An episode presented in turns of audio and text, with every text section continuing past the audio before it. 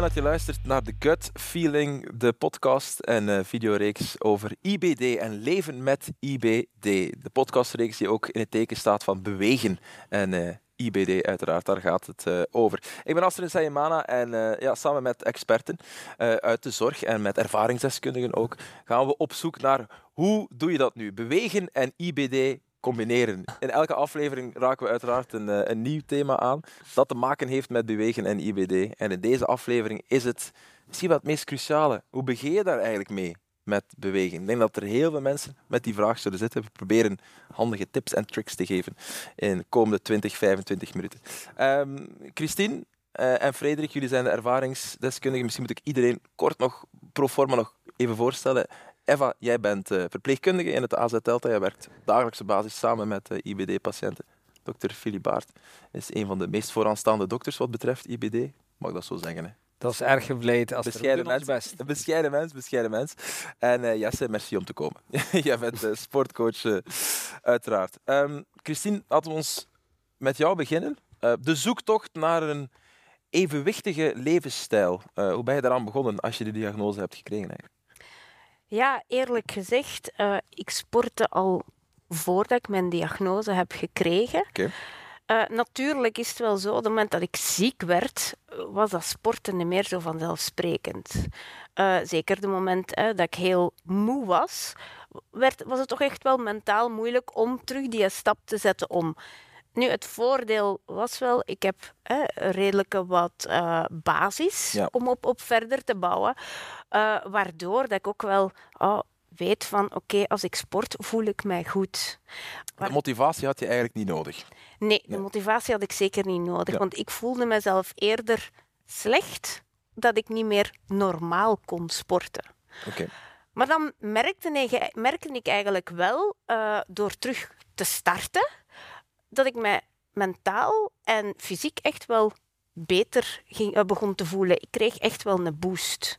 Mhm. Maar nu kan ik wel begrijpen als je uh, ziek bent en je hebt daarvoor ook nooit niet heel veel gesport, hoe begin je daar dan wel aan? Ja. Hoe pak je dat aan? Zijn er tips uh, om te Ja. starten? Dat lijkt me de belangrijkste vraag die we gaan proberen te beantwoorden.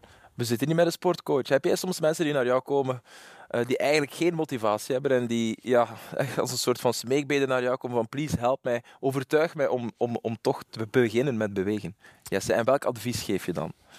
Nee, ik heb geen sporters die met een smeekbede bij mij komen om te moeten bewegen. De sporters die bij mij komen, ja, die zijn gemotiveerd om te bewegen. Die Maar ze weten, willen wel hulp. maar ze willen wel hulp. Ja. Ze weten heel vaak ook niet hoe ze het moeten doen. Ja. En natuurlijk, als, als ik met iemand werk, is het heel vaak in een specifiekere sport en richting competitie ook heel vaak. En dan krijg je al een iets andere insteek en specifieker plan natuurlijk, die, die wordt Ja, opgesteld. doel. Ja. Ehm, motiva motivatie geen gebrek, maar dus inderdaad eh, know-how wel en, en ook de, de durf soms om dingen eh, te doen en om grenzen te verleggen daarin, Mhm. om het bewegen aan te pakken. Oké. Ja. Als je zo'n advies geeft, moet je er dan eigenlijk 100% aan houden? Of, of heb je soms recht op een cheat day? Ja, ik weet dat dat populair zou klinken van mij om te zeggen, ja, je hoeft dat niet vol- 100% eh, te volgen.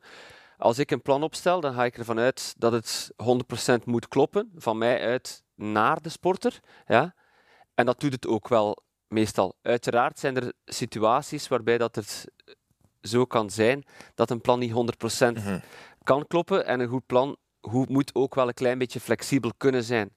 Eh, vermoeidheid is niet altijd iets dat, dat je kunt eh, volledig onder controle houden, want je kan een verkoudheid oplopen tijdens de week, je kan ziek worden, je kan, ja, je kan een slechte nacht gehad hebben, whatever. Eh, en dan ga je natuurlijk uiteraard eh, gaan hopen dat de atleet dat communiceert en Ja. dan passen we daarop aan. En flexibiliteit hoort daar zeker bij. Iemand die blindelings een eh, vooropgesteld plan volgt en probeert te volgen, zonder rekening te houden natuurlijk met, eh, met zulke situaties, dat loopt natuurlijk ook niet, eh, niet, niet, niet goed. Ja. Dus een plan mag wel wat flexibiliteit Ja. hebben, dat wel. Maar de best case scenario is het uiteraard dat 100% te volgen. Ja, dat, dat moet je ook zeggen Ja. natuurlijk, dat snap ik. Je had het over herbeginnen, hè? Hè, Als je dan, hè, je, was Mhm. al, je sportte al regelmatig, je krijgt dan die diagnose. Heb je eigenlijk hulp gezocht bij het herbeginnen? Was het moeilijk om terug in het ritme te geraken? Of? Eh, ik ben nu iemand, ik ga, zou nu niet dadelijk naar een sportcoach Nee. gaan. Eh, wel om tips te vragen, en dat heb ik ook in een tijd zelf gedaan, om tips te vragen van eh, hoe pak ik eh, het beste aan, of hoe eh, kan ik mijn training het beste gaan verhogen, Ehm, of hoe kan ik beter worden. Maar dan uiteindelijk ben ik wel iemand die van die, dat plan dat ik dan eigenlijk krijg, ik maak daar mijn eigen ding van. Dus ik zoek dan eigenlijk verder nog naar vooral wat werkt voor mij Binnen dat plan. binnen dat Ja. plan. Wel rekening houdend met van oké, eh, de tips die haal ik eruit en uiteindelijk maak ik er mijn eigen plan van. Want anders weet ik, het is niet haalbaar voor mij. Dan hou ik dat ook niet vol. Dus hier echt eh, weer hetzelfde als van, eh, ik zeg nu, eh, voor krachttraining nu. Ja. Ja, kan je voor, ik zeg nu maar iets, uw bovenlichaam moet je die en die en die en die oefeningen kan je doen. En dan denk ik, oké, ik test dat ook even uit. Maar dan denk ik, oké, die oefening, oh, die doe ik echt niet graag. Oké, dan zoek ik een oefening die wel ook voor die spiergroep is, maar die ik wel graag doe. Want anders weet ik, dan doe ik dat niet. Dan hou ik dat niet vol. Mhm. Dus ik denk zeker een belangrijke naar eh, voor als je wil beginnen met sporten. Zoek iets wat werkt voor u, wat haalbaar is. Ja. Jij werkt in het ziekenhuis dus. Ehm, zet je soms mensen op weg om, om ja, te beginnen met bewegen? Want dat moet misschien wel de meest gestelde vraag zijn, of zo een van de meest gestelde vragen.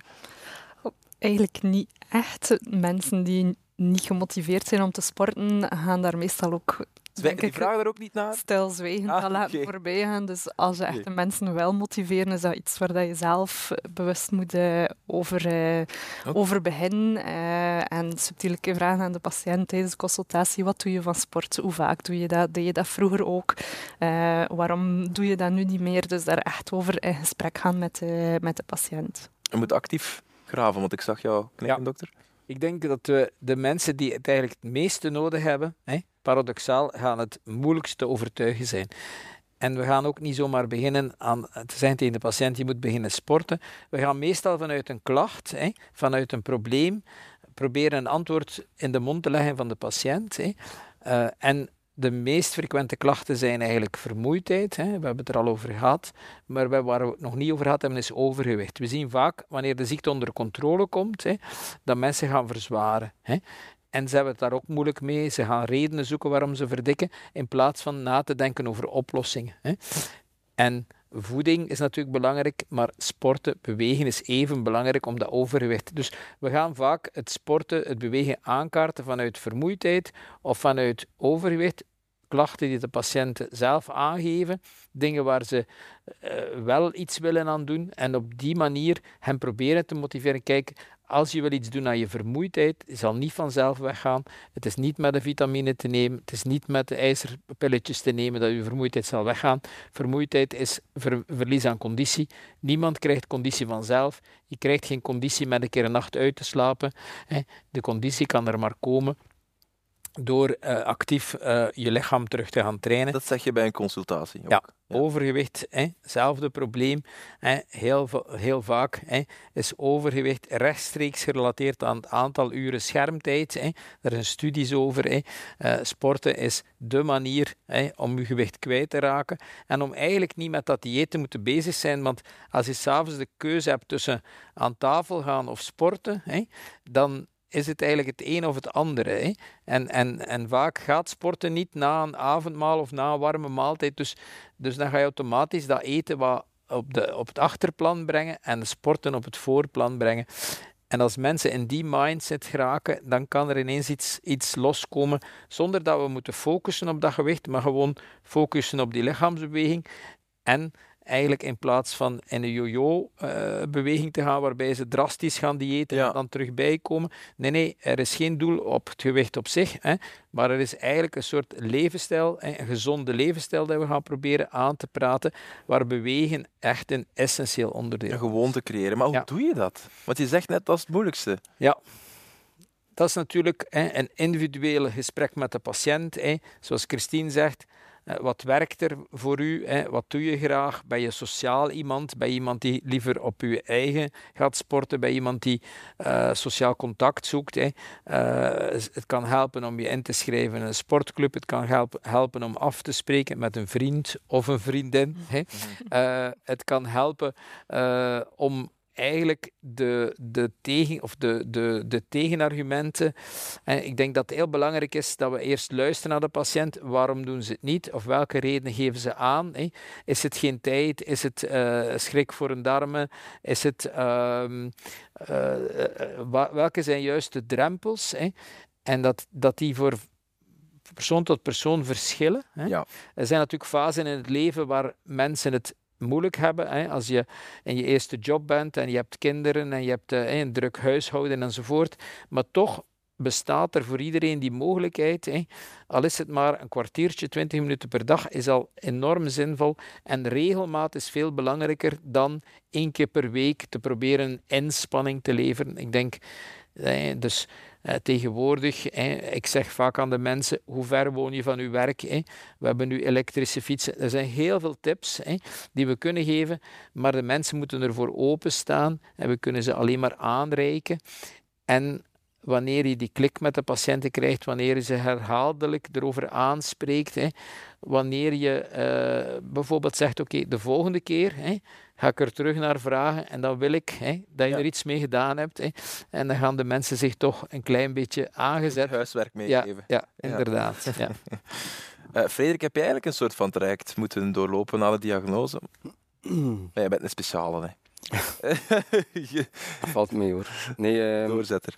Bij mij, uh, toen dat bij mij vastgesteld werd, was ik nog, speelde ik nog basketbal in een uh, ploeg. Wij trainen twee maal per week, we speelden een match in het weekend. Dus ik zat eigenlijk al in dat ritme van vaste momenten van te sporten. Ik um, ben ook iemand die inderdaad nooit echt moet gemotiveerd worden om te sporten.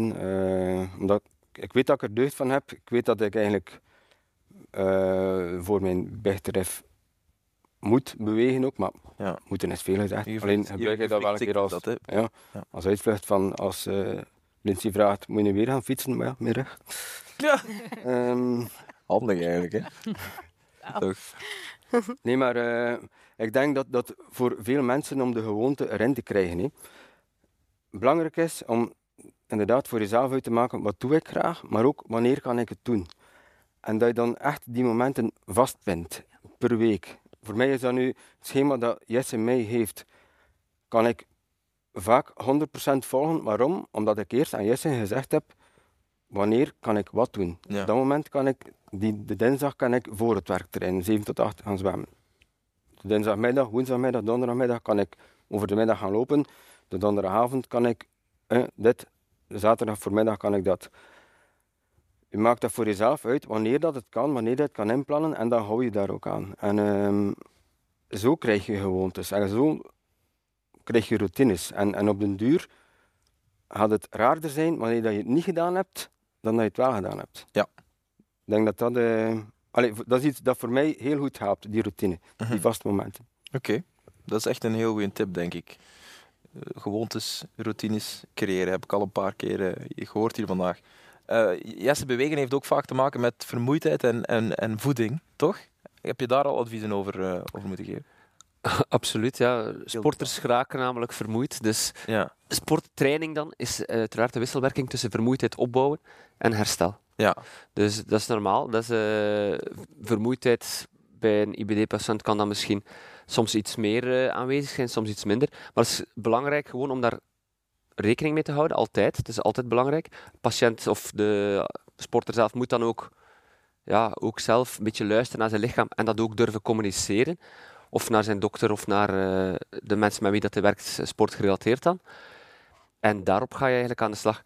Wij monitoren eigenlijk alles qua hartslagen en zo verder. Dus wij zien ook prima wanneer iemand, wanneer een sporter in vermoeidheid is. Wij monitoren de trainingen, maar wij monitoren ook heel vaak nog eens tegenwoordig met de, met de sportwatches HRV tijdens de nacht, body battery. Wat is HRV, sorry? Heart rate variability. En dat geeft ook een indicatie naar uw herstelpatroon toe, naar uw ja, Ah ja. herstel en vermoeidheid. Ja.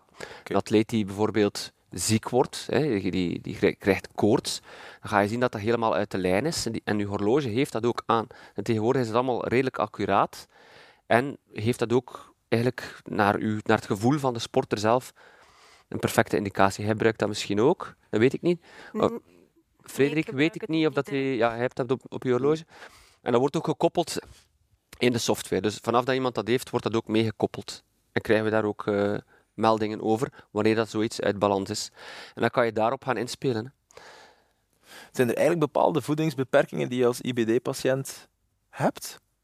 Die eh, bepaalde voedingssoorten, die, of is dat ook heel individueel, die worden afgeraden? Dat is denk ik opnieuw individueel, Ja. patiënt per patiënt te, te bekijken. Crohn of colitis speelt daar wel een, een verschil in ook. Ehm, verschillende types Crohn, of dat je vernauwing hebt of niet, eh, of dat je echt in een zware opstootfase zit, dat je moeilijker eh, eten kan bij, eh, moeilijker kan eten, veel gewicht verliest.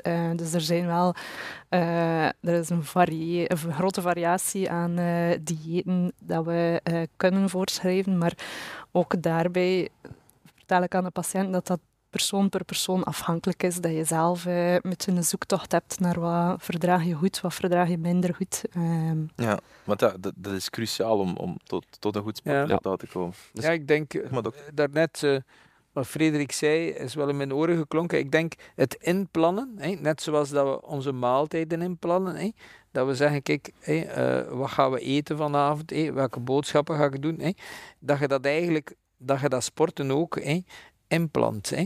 En dat lijkt logisch, maar als je dat niet doet, ja, dan, gebeurt het niet. dan gebeurt het Nee. niet. Hè. Terwijl omgekeerd, hè, ik denk dat we allemaal onszelf regelmatig een keer moeten belonen. Hè. En je kan je belonen met iets lekker te eten. Je kan je belonen met een film te gaan bekijken. Je kan belonen met een uiteten. Of, hè. Maar vaak gaan de mensen zich belonen niet met de gezondste dingen. Hè. Terwijl als je jezelf beloont met iets gezonds, hè, hè, dan ga je eh, daar meer en meer naar gaan verlangen. En ga je het missen. En dat is nu net wat mensen die dat, die dat plezier niet kennen. eh, Het maakt eigenlijk uw palet van eh, genot breder als je dat kan toevoegen aan, aan, uw, aan uw manier waarop dat uw lichaam eigenlijk, ja, wanneer je, waar je een extra manier waar je jezelf mee kan belonen. Mm. Hè? En ik denk ehm, dat het eigenlijk, ehm, ja, omdat we het hebben over de voeding, hè, dat we meestal, de meeste mensen zijn heel vastgerust, vastgerust in wat ze eten, wanneer ze eten. Hè, Mhm. En gaan met ouder te worden steeds dieper in diezelfde gewoonte. Hè. En eh, als we dat sporten daar kunnen tussen krijgen, hè, dan ga je ook je maaltijden afstemmen op je sporten. Hè. Maar als je natuurlijk zegt, ja, s s'morgens heb ik geen tijd om te eten, smiddags een broodje op het werk en dan s'avonds ga ik een warme maaltijd nemen, ja, dan gaat het niet lukken om s'avonds nog een keer te Nee. sporten. Hè. Terwijl als we zoals we daarnet zeggen, kijk, we staan een half uurtje vroeger op, we gaan eerst de hond uitlaten of we gaan een flinke wandeling doen. Hè. Eh, wel, dan heb je al je sport gedaan hè, en dan eh, neem je wat tijd voor een stevig ontbijt. Hè. En dan heb je die warme maaltijd niet s'avonds die je niet meer afwerkt. Hè. En dan raak je in die positieve spiraal. Dus uiteindelijk inderdaad, het afstemmen van de maaltijden eh, op het sporten is denk ik een hele belangrijke. Oké. Ja. Is, dat, is, dat, is dat zo? Werkt sporten verslavend? Ik denk zelf heel verslavend. Frederik gaat me zeker bijtreden. Eh, ik, ja, ik vind het... eh, als ik nu bijvoorbeeld gepland heb om vandaag te sporten en ik kan dan niet sporten, dan voel ik me echt wel slecht. Dat loopt dan betand. Dan loop ik kant, inderdaad. Ja. En zoals eigenlijk eh Filip ook zegt, van, je zou het moeten inplannen in uw weekschema. En effectief doe ik dat ook elke week. Eh, plan ik in van, ah oké, die en dag kan ik, eh, de kinderen moeten gehaald worden naar school of die moeten naar daar gedaan worden. Oké, dan kan ik niet in een dag sporten. Oké, dan sport ik, sta ik bijvoorbeeld om half vijf op en sta ik dan een uurtje op mijn crosstrainer. Eh, langs de andere kant, oké, de vrije momenten die ik heb, van, dan kan ik wel sporten of niet. Met bewust dan ook wel voor mij twee rustdagen te geven. Ja, ja. Ehm, want vroeger zou ik gewoon blijven sporten hebben elke dag. En eh, ja, zo gezond is dat dan ook weer niet om te eh, te Nee, veel te sporten. Nee. En eh, dus ik heb, gun mezelf ook effectief, allee, verplicht mezelf om twee rustdagen in te plannen.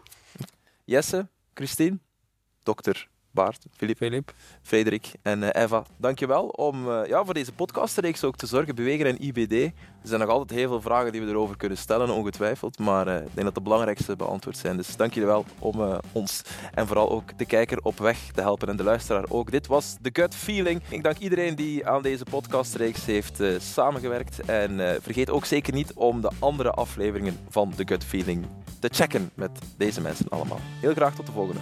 Bye bye.